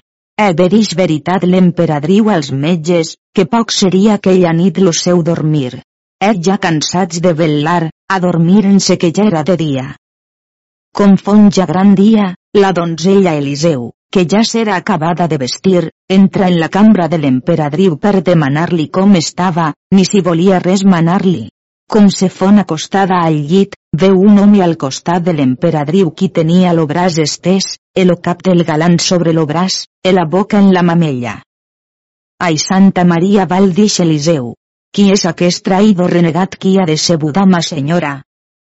Fon en temptació de cridar grans crits, volent dir. Muir a lo traïdor que ab cautela i ab decepció és entrat en aquesta cambra per posseir lo goig d'aquest benaventurat llit. Après pensar que ningú no tinguera tan gran atreviment d'entrar allí sens voluntat sua, el emparamentar de la cambra no era estat fet sens gran misteri. E feia son poder de conèixer-lo no podia, per so com tenia lo cap baix no el podia bé de visar. Tenia dubte que les altres donzelles no entrassen en la cambra per servir a l'emperadriu, així com havien acostumat. Eliseu entrà on dormien edis-los. la senyora vos mana que no excau de la cambra perquè no façau remor, perquè no ha prou contentats los seus ulls del seu delitós dormir en què està. Après mitja hora passada, los metges vengueren per saber l'emperadriu com estava. La donzella anà a la porta d'ix com la senyora reposava per so com en la nit havia un poc congoixat. Nosaltres estarem ací digueren los metges fins a tant que sa majestat sia desperta, car així nos ho ha manat lo senyor emperador. La donzella, no sabent prendre remei en si, ni sabia si la despertàs o no, estava en aquell pensament, e durà-li tant fins que l'emperador tocà la porta de la cambra. La donzella, enutjada en no ap prou paciència ni ap molta discreció, anacuitadament al llit e cridà a veu baixa. Llevau, senyora, llevau, que la mort vos és veïna, lo trist de vostre marit toca a la porta i sap que ap desllealtat, en perjuí de la sua pròspera persona, la veu indignament fe sens causa ni raó alguna. Qui és aquest cruel qui tanta dolor ap si porta que prop de vos estiga? És rei no conegut. Prec al sobirà Déu que corona de foc al cap li veja jo posar. Si és duc, en re perpètua lo veja jo finar. Si és marquès, de ràbia les mans en los peus li veja jo menjar. Si és comte, de males armes dega morir. Si és vescomte, a pespasa de turc lo cap fins al melic lo veja jo en un col partir. E si és cavaller, en fortuna vàlida, en la mar, tota pietat a part posada, en lo més fondo fin esos dies. E si en mi habitas tanta virtut com poseia la reina Pantasilea, jo el nefer a penedir, mas lo trist costum és dol replorar. Com l'emperadriu se veu despertar en tal mal so, pitjor que de trompeta, l'ànimo no dona esforç a la llengua que pogués parlar, ans resta immoble que no pogué parlar. I pàl·lid no entengué les paraules de la donzella si no la veu, e per no ser conegut, posa lo cap davall la roba veu la gran congoixa que la senyora tenia, posar-li lo braç damunt lo coll i feu-la baixar davall la roba de manal i que era la causa de la gran passió que tenia. Ai, lo meu fill dix l'emperadriu. En aquest món no es pot atènyer un goig complit. Llevat, ved l'emperador a la porta, la tua vida i la mia en aquesta hora en les mans de Déu està. E si jo no et puc parlar, o tu a mi, perdona'm de bon cor, car si em faré jo a tu, que ara veig que aquest dia serà estat lo principi i fi de tota la tua felicitat e delit, e darrer terme de la tua vida de la mia.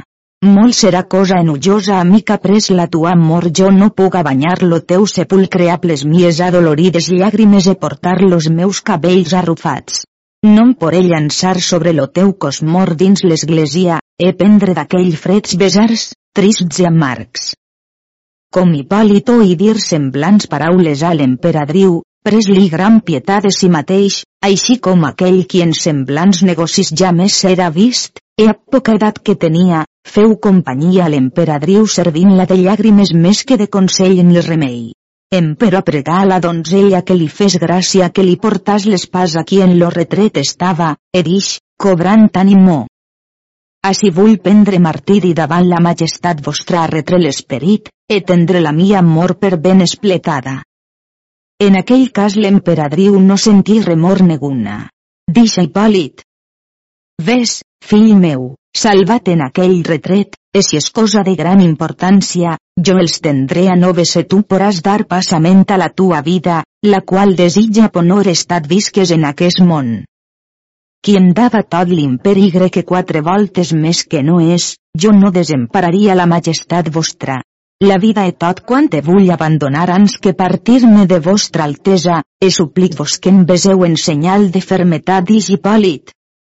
Oint dir l'emperadriu les paraules de sus dites, li augmenta la dolor, e així com augmentant molta dolor, necessitat la requerí que augmentàs en molta amor. E no sentir remor neguna, Ana a la porta de la cambra per escoltar si sentiria gent dar més o altre indici de mal, e veu, per una poqueta fenella que en la porta era, a l'emperador i als metges qui del seu mal disputaven, e així que plena notícia que lo fet no era res. E tornar corrent de vers i te pres-lo per les orelles e besar estretament e dis-li. Lo meu fill, per la molta amor que et porte te prec que vages en aquell retret fins a tant que l'emperador a plos metges jo els puga donar alguna justa causa d'excusació. senyora Digipòlit, en totes les coses del món seré pus obedient a la majestat vostra que si m'haguéssiu comprat per catiu, però no em maneu partir-me d'ací perquè jo ignore si venen per algun mal afer en la vostra persona. No dubtes en res dix l'emperadriu, car gran tumult fora per tot lo palau e jo conec bé que no és res del que Eliseu m'ha dit. Hipòlit prestament se n'entra en lo retret, el emperadriu se tornà al llit e feu obrir les portes de la cambra. L'emperador i los metges vengueren al llit e parlaren a ella demanant-li del seu mal ni com s'era trobada aquella nit. L'emperadriu respòs que la dolor del cap a la passió del ventrell no l'havien deixada en tota la nit dormir ni reposar fins que les esteles del cel se foren amagades. E en aquell cas, los meus ulls no poden comportar la vela, m'adormí, essent-me ara molt pus alegre contenta que no en lo principi.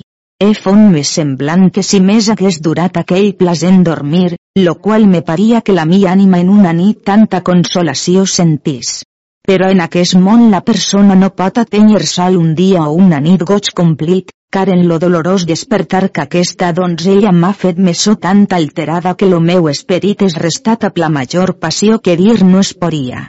E si jo podia tornar en aquell cas mateix, me seria molt gran consolació podent tocar e tenir en los meus braços les coses que m'he amades en aquest món, e crec que podent jo atènyer açò, me seria paradís en aquest món e compliment de glòria. Eh podeu creure, senyors, que si jo podia tornar en aquell gloriós repòs, la mia ànima seria tan contenta que jo seria prestament guarida. Dix l'emperador. Digau, senyora, què era lo que en los vostres braços teníeu? Respòs l'emperadriu. Senyor, lo major bé que en lo món jo he tingut, encara l'ame sobre totes les persones del món. He puc dir a veritat que jo estant en la piadosa vella m'adormí, e prestament me donà de parer que estava en camisa a una roba curta forrada de marcs gebelins, de color de vellut verd, e que era en un terrat per dir l'oració que acostume dir als tres reis d'Orient, e complida cagui la beneïta oració, oh i una veu qui em dix, no te'n vages, que en aquest lloc hauràs la gràcia que demanes, e no tarda que viu venir lo meu tan amat fill acompanyat de molts cavallers tots vestits de blanc, e portava Hipòlit per la mà, e acostant-se a mi me prengueren les mans los dos e besaven les me, e volien me besar los peus, e jo consentir no volia. E asseguts en lo païment del terrat passen moltes raons de consolació en les quals jo prengui molt gran delit, e foren tals e tan delitoses que ja més del cor m'eixiran. Après nos n'entram en la cambra tenint-lo per la mà, e mon fill e jo posam-nos en lo llit, e jo posi-li lo meu braç dret de just les sues espatles, e la sua boca besava les mies mamelles. Ja més tan plasent dormir no sentí, e deiam lo meu fill, senyora, puix a mi no podeu haver en aquest miserable de món, teniu per fill a mon germà Hipòlit, car jo l'ame tant com fas a Carmesina, e com deia aquestes paraules estava girat prop de mi, e Hipòlit per obediència estava agenollat enmig de la cambra. E jo li demani on era la sua habitació, e dix-me que en paradís era col·locat entre los màrtirs cavallers per so com era mort en batalla contra infels. E no li pogui més demanar per so com Eliseu me despertap més adolorit so que de trompeta. No us ho dic jo dix l'emperador que tot son parlar no era sinó de son fill. Ai senyor dix l'emperadriu, que a ningú no costa tant com a mi. En aquest braç lo tenia jo, la sua plasent boca tocava los meus pits, e los somnis que en la matinada se fan, molts nixen verdaders. E jo pens que encara no se'n deu esser anat. Volria experimentar dormint si em tornaria a parlar, e que tornàs en lo delit que estava. Jo us predix l'emperador que no us poseu aqueixes follies en lo cap, el llevau-vos del llit si bé estau, car tals coses com vos raonau qui més i med més i perd. Jo us suplic, senyor dix l'emperadriu, que per la salut mia i per lo delit que jo espere aconseguir-vos place a lleixar-me un poc reposar, car tots los ulls tinc entelats de poc dormir. Senyor digueren los metges, besen por anar la majestat vostra, e deixen-la dormir, que si aquest delit li llevam seria poca admiració no augmentas la sua malaltia en major grau que no és. L'emperador se partí, e feren eixir totes les donzelles de la cambra sinó Eliseu que hi resta. Com les portes foren tancades, l'emperadriu feu tornar a Hipòlit en son lloc que deixa la donzella. Puix la sort tape més tu has hagut a sentir en aquests afers, done orde que de tot ton poder vulles servir a Hipòlit més que a la mia persona. He posat en aquell retret fins tant jam un poc dormit, e tu seràs en ma opinió més favorida de totes les altres, e jo et casaré més altament de totes, après Hipòlit te darà tant de sos béns, que tu en seràs ben contenta. Ja no m'ajudeu, dix Eliseu si jo tinc voluntat neguna i pàl·lid de servir-lo ne menys en amar ni honrar-lo, mas per suplir al que em mana la majestat vostra ho faré, altrament no em volria ésser abaixada en terra per prendre una agulla per ell, ans vos dic ja més por ti més mala voluntat a home del món com fas a ell des que l'he vist en tal so estar prop de vostra altesa, lleu famejant volria que li menjàs los ulls de la cara encara tota la persona. Respòs Hipòlit. Doncs ella, ja més pensi en fer-vos enuts que ap deliberada penseu fes. Eh jo us vull amar e fer per vos sobre totes les donzelles del món. Feu per les altres dix Eliseu, que de mi no hageu cura, car no en plau acceptar res que de vos sia. Eh prestament se'n entra en lo retrete allí se pres forment a plorar. E los dos amants restaren en lo llit tant que ja era quasi hora de vespres com ells se llevaren e trobaren la donzella que encara estava plorant. Com los veu entrar per lo retret cessa son plor, e donar remei a la sua dolor l'emperadriu a consolant-la e pregar-la no es donàs res en lo fet d'Hipòlit, e açò feia ben dubte que no descobrís llur fet. Senyora dix la donzella no dubte la majestat vostra de mi que jo prendria pacientment l'amor tants que jo parlàs res sens manament vostre a persona del món, car jo veig la pèrdua de vostra altesa seria tanta que tot martiri me passaria més cruel que no donaren a ningú dels apòstols. Lo segon dubte no temau, en presència o en absència ja faré tots els serveis que poré a Hipòlit per contemplació de la majestat vostra. L'emperadriu resta contenta, lleixa Hipòlit en lo retret, e tornàs al llit, fent obrir les portes de la cambra. E prestament fon aquí sa filla e totes les dones e donzelles de l'emperador e los metges, e tornals a recitar lo plasent somni que fet havia. Lo dinar fon prest l'emperadriu menjar així com a persona cansada de molt caminar, e la donzella posà sa diligència en molt ben servir a donar-li a menjar un parell de faisans e tot lo que li fon mester per la humanal vida, e tenint-lo a prop de col·lacions singulars perquè no s'enujàs, e com no volia menjar, pregava-ne de part de sa senyora. Hipòlit la posava en noves sap moltes burles, i ella jamés li responia sinó en lo que tocava a son servir. Així estigué l'emperadriu, que no es lleva del llit fins a l'endemà, que l'emperador ja s'era dinat. E com se fon lligada, entra en la capella per oir missa, e fon gran contradicció entre los capellans si a tal hora devien consagrar, com lo migjorn fos passat. En semblant ventura lit estigué Hipòlit dins lo retret per una setmana. Com la senyora conegué que prou l'havia espletat, dona-li comiat dient-li que l'altre dia, com se seria descansat, podia tornar dins en la cambra i podia prendre d'ella tot lo que plasent li fos. El emperadriu tragué d'una caixa on tenia les sues joies, un collar d'or fet a forma de mitges llunes, en les puntes de cascuna lluna havia dues grosses perles, una en cascun cap, e alt enmig de la lluna un gros diamant, e davant venia una cadeneta d'acer a punt pinyador tota esmaltada, e la meitat era oberta l'altra closa, e los pinyons qui dins eren, grossos robis. No crec tan saborosos pinyons ja més foren vists, aquesta sabor sabia Hipòlit, qui gustada l'havia. E en la part de la pinya que estava closa, en cascuna clofolla havia un diamà, o un robí, o maragda, o safir, en no penseu que fos de tan poca estima que no valgués passat cents mil ducats. El emperadriu, de ses mans, la hi posà al coll, e dis-li. Prega a Déu, Hipòlit, que jo et visca, car poca admiració serà que jo no et faça, anys de molts anys, corona real portar. Ara so per amor de mi portaràs, e com te serà present a la vista, seràs en record d'aquella qui t'ama tant com a la sua vida. Hipòlit s'agenollà en terra e feu-li infinides gràcies, e besar-li la mà i la boca, e dis-li. Senyora, com vol la majestat vostra deseixir-se d'una tan singular joia per donar-la a mi? Car si jo la tenia la daria a vostra altesa, en qui seria mil s'espletada, per qui us suplique la cobreu. Respòs l'emperadriu. Hipòlit, no refuses ja més res que ta enamorada te done, car regla com un és, qui és major en dignitat, la primera vegada que prenen amistat, deu donar a l'altre, qui no ho deu refusar.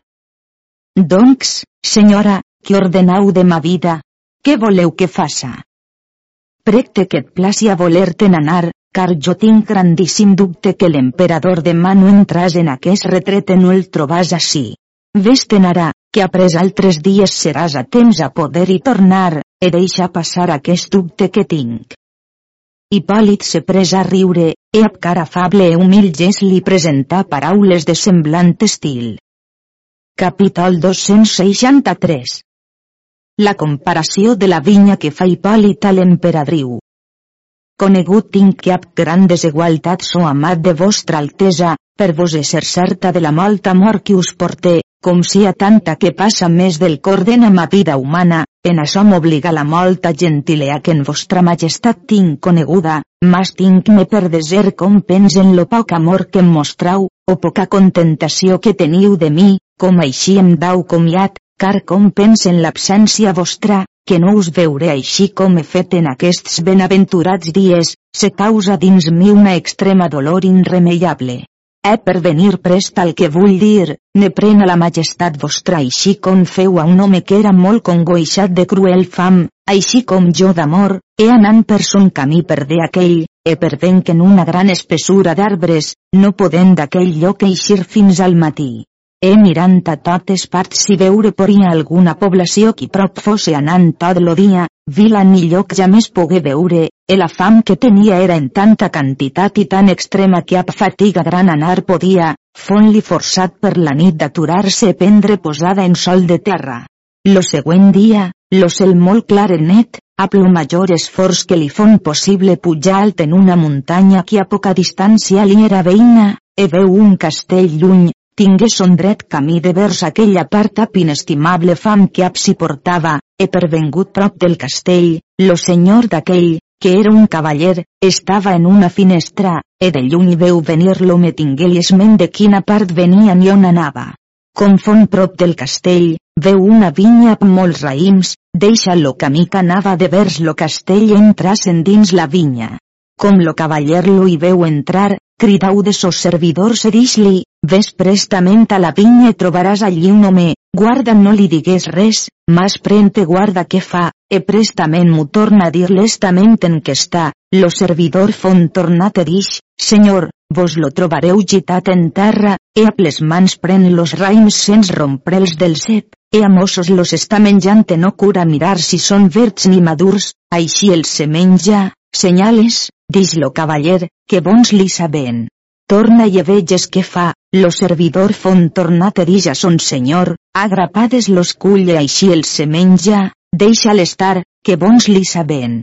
Torna i altra volta, lo servidor font tornat, e dix, senyor, ja no els menja a aquella sabor, ara los pren de quatre en quatre de cinc en cinc, deixa l'estar, que encara hi troba sabor, e altra vegada que hi torna dix, senyor, ja cerca los que són bé madurs se posals en la boca menges la molla de dins i llança la pellofa, ab grans crits li dix, ves, cuita, e digues-li que isca de la mia vinya, que ara l'amta la tota, tal demostració fa la majestat vostra, senyora, a mi, que so entrat en aquesta cambra, he menjava los raïms amosos i agrapades, de quatre en quatre de cinc en cinc, el altesa vostra no em deia que me n'anàs, ni l'emperador que degués venir ni entrar ni reconèixer vostres cambres.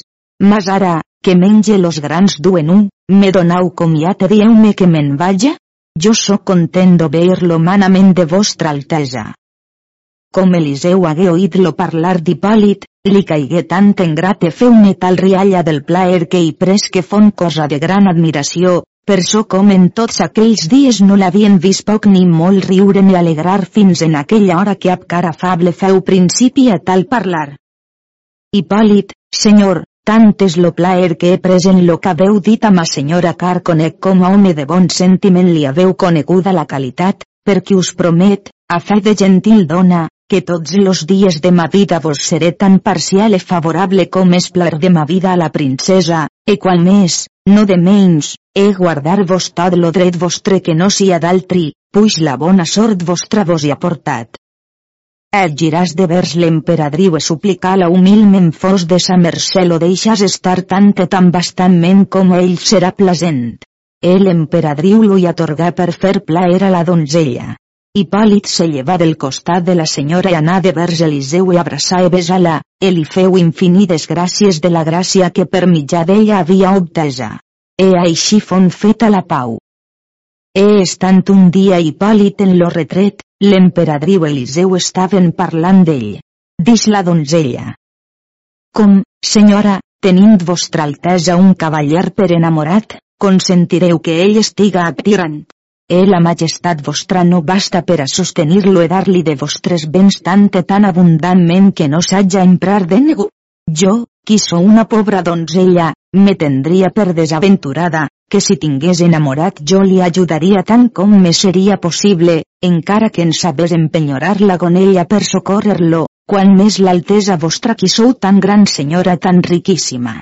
Car les dones virtuoses se deuen ajudar de sos remeis. Dix l'emperadriu. Puix tu m'ho conselles, jo sóc contenta de fer-ho, per bé que aquests estrangers, com los teniu molt amor els haveu dat de vostres béns, van sent, o tornen massa orgullosos o són difamadors. No, senyora dix Eliseu, que aquest no és tal, car de poca edat l'haveu vist en vostra cort. Hages-ne tu les gràcies dix l'emperadriu, per so que ell també més. Hipòlit havia estat en lo retret 15 dies, e un dia ans de la sua partida, estant en la cambra i tenint Hipòlit lo cap en les faldes de l'emperadriu, ell la suplicà que cantàs una cançó per amor sua, la qual cantava amb molt gran perfecció i de bona gràcia. La senyora, per fer-li plaer, canta un romanç a baixa veu, de Tristan com se planyia de la llançada del rei Marc, e a la fi dix, dona, restaràs sola sens lo teu hipòlit, e a la dolçor del cant destil·laren dels seus ulls vives llàgrimes. Eliseu, perquè no venguessin a noves de res que tristor ni dolor portàs, feu-los llevar d'allí on estaven, e feu-los entrar dins lo retret, e aquí ell ha pres les claus de les joies e obrí la caixa on estaven. El emperadriu posà prestament la mà sobre la coberta perquè no l'acabàs d'obrir fins a tant que li hagués dit lo que dir-li volia, e no tardà en fer principi a un tal parlar. Capítol 264 Com l'emperadriu ordenà la vida d'Hipòlit. No és lícita la tua cavalleria que per mitjà algú si és vist estar a ningú altre. Si de mi no tens seguretat, assegura de mi, car jo adore la tua persona com a Déu, de qui espera infinita glòria, e so molt contenta en despendre llargament tots mos béns en tu, en lo temps de ma enamorada vida, car la tua bondat e virtut en si extrema vida aporta. E per so vull ordenar de ton delitós viure a 300 menjadors ordinàriament entaposada, e facen de tu com de senyor, car los béns que la fortuna nos atorga jo en tinc prou per a tu e per a mi. Hipòlit donà del genoll en la dura terra, e feu-li infinides gràcies e suplicar la fos de sa mercè que així improvisament no el fes partir de la companyia de tirant, per dar silenci a la gent, però passats alguns dies ell faria tot lo que la majestat s'ho alimanàs. La donzella obrí la caixa pres un gran sac de ducats que a fatiga Hipòlit los podia portar, que l'emperadriu havia manat que li fossin dats e Hipòlit amb gran dificultat los volgué prendre. Après la donzella tragué de la caixa 1.400 grans de perles molt grosses e de singular llustre, e pregal que, per l'amor suà, s'embrodàs unes calces de raïms, e los grans fossen de perles, puix per causa dels raïms la pau era estada feta. E venint la nit, que l'emperador e tots los del palau sopaven, Hipòlit isque del palau, e no anà a la posada de Tirant, sinó d'un mercader que es nomenava Miser Bartolomeu Espignardi, e feu-se aquí portar drap de brocat verd, e feu-se fer una roba d'estat forrada de marcs gebelins, e feu-se brodar les calces que la donzella l'havia pregat. Com hagué ordenades totes les coses, partí secretament de la ciutat i anassen a bellestar en excusa de veure los seus cavalls, e donar a sentir a Tirant com ell era allí, e que eren passats deu dies que no es sentia ben dispost per venir a la cort. El missatger que hi tramas feu tan discreta relació, que Tirant i tots los altres hi donaren fe. Com Hipòlit saber que les sues robes eren acabades, partí de bellestar e portassen un cavall molt lleuger. Com fon en la ciutat vestís la roba de brocat, e calçàs les calces brodades, que eren molt vistoses e de bona gràcia obrades, que es mostraven los pàmpols e los raïms. El emperadriu i la princesa eren en la posada de Tirant. Com Hipòlit entrà dins lo pati i veu totes les dames per les finestres, ferir lo cavall dels esperons i contornar allí moltes voltes. Com font descavalcat, pujà alt en les cambres i feu reverència a l'emperadriu i a totes les dames, e no s'oblidar a son mestre tirant, e demanar-li del seu mal. E ell li respòs que es sentia molt bé, que dos dies havia que era anat a l'església per oir missa. No és cosa de poder recitar la gran contentació que l'emperadriu tingué de la vista d'Hipòlit, e dis-li. Lo meu fill, jo desitge saber la disposició de ta vida, e si eres a aquell fill meu primogènit aquell matí que jo estava en lo repòs del meu plasent dormir. E dient aquestes paraules no pogué detenir que dels seus ulls no destil·lassen vives llàgrimes, e tirant a plos altres acostaren-s'hi per a conhortar-la. E en aquest cas entra l'emperador per la cambra amb molts cavallers, e com la veu de tal disposició li dix. Digau, senyora, aquest és lo conor tan afable que vos donau al nostre capità. Dona'm de parer que seria major raó que d'altre de por-lo festejasseu que no de llàgrimes. Senyor respòs l'emperadriu, la intrínseca dolor, enemiga de la mia corporal vida, Contínuament atribula la mia lacerada pensar, el meu cor incessantment plora gotes de sang. Car ara que vista Hipòlit més redoblada la dolor, havent record aquell plasent matí que la majestat vostra ven cap los metges que em tolgués aquella glòria que jo en aquell cas contemplava, ab tal dolçor desitjar a finir ma vida, car no en lo món millor mor que morir en los braços d'aquella persona que home mai vol bé? Eh puix aquell que tant amat no puc haver, pres per la mà i pàl·lid te dix, aquest serà en lloc d'aquell, e prenca tu per fill, e tu pren a mi per mare. E no és cosa en lo món neguna, que a mi sia possible de fer, que jo no la faça. Per amor d'aquell qui sobre tots en extrem jo amava, vull amar a tu, puix n'és mereixedor. Tots se pensaven que ho digués del mor fill, e ella deia odi pàl·lid, He après ella hagué recitat tot lo somni, segons damunt de llargament és estat referit, l'emperador se n'anà totes les dames, l'emperadriu no comportà que ningú la portàs de braç sinó Hipòlit. Ara lleixen estar les festes que ella contínuament feia a Hipòlit, en molts donatius que li feia en presència de l'emperador i de molts altres, en no es volia dinar ni sopar que no li estigués de prop, e tornem a tirant que fa de ses amors, car contínuament ell no perdia hora ni punt en sol·licitar de paraula com ne tenia disposició, e d'altra part a pilletres que li trametia, e plar de ma vida, qui no s'oblidava. Com tirant estigué bé de la cama, anava sovint al palau sense ajuda de ningú, sinó que los metges no li donaven tanta llicència com ell volguera. El emperador sovint los demanava dins quants dies lo darien per guarit, que la cama fos ben reforçada per poder partir. E ells li deien que molt pres seria en bona disposició per cavalcar. Sabent tirant quant era solícit l'emperador de la sua partida, estava ab gran congoixa com no podia son cor complir o almenys restàs en algun apuntament a la princesa. L'extrema passió que la viuda reposada portava a si fins en aquella hora no serà manifestada, car com, per paraules dites per l'emperador, ella sentís que la partida de tirant devia ésser molt presta, pensasiables sues pàliades paraules podia induir a tirant d'anar-se'n a pell al camp en excusa de seguir-lo, e si això no podia obtenir, a lo seu enteniment diabòlic que tenia deliberar de sembrar en la cor d'una molt bona llavor qui es nomena cisània mesclada amb mala voluntat perquè millor esplet no pogués eixir.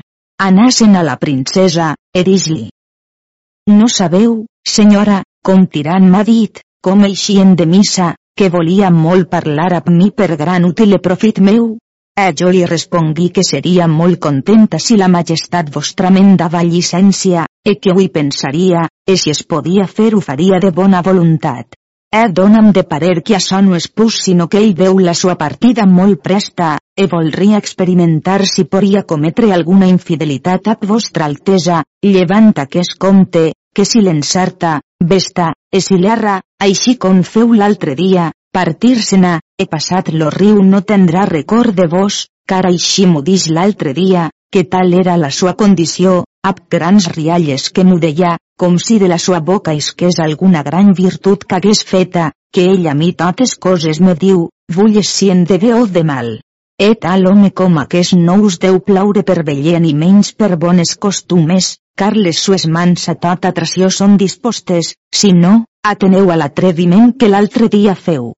Déu l'hom premia segons sos mèrits.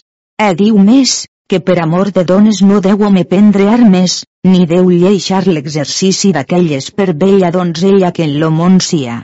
E parla com a prom, mas no com a cavaller enamorat, car los gloriosos fets de les armes, dignes són de renome fama, car tots són estats fets, o la major part, perdones.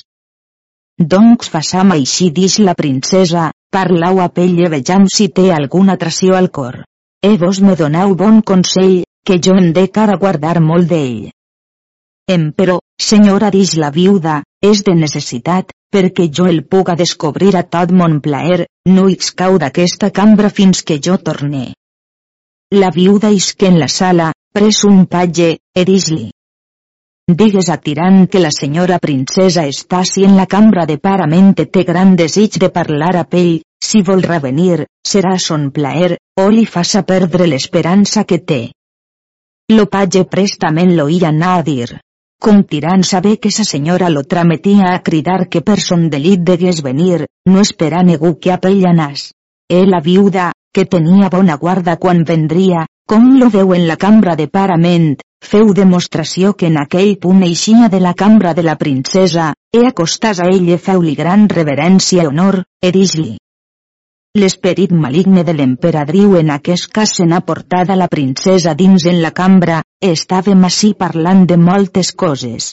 Jo digui-li fos de sa mercè trametés per vos, car així com Jesucrist il·lumina los seus apòstols, així il·lumineu vos a totes quantes són, com entrau per aquest palau, el hora que vos ne partiu totes restant tristes adolorides.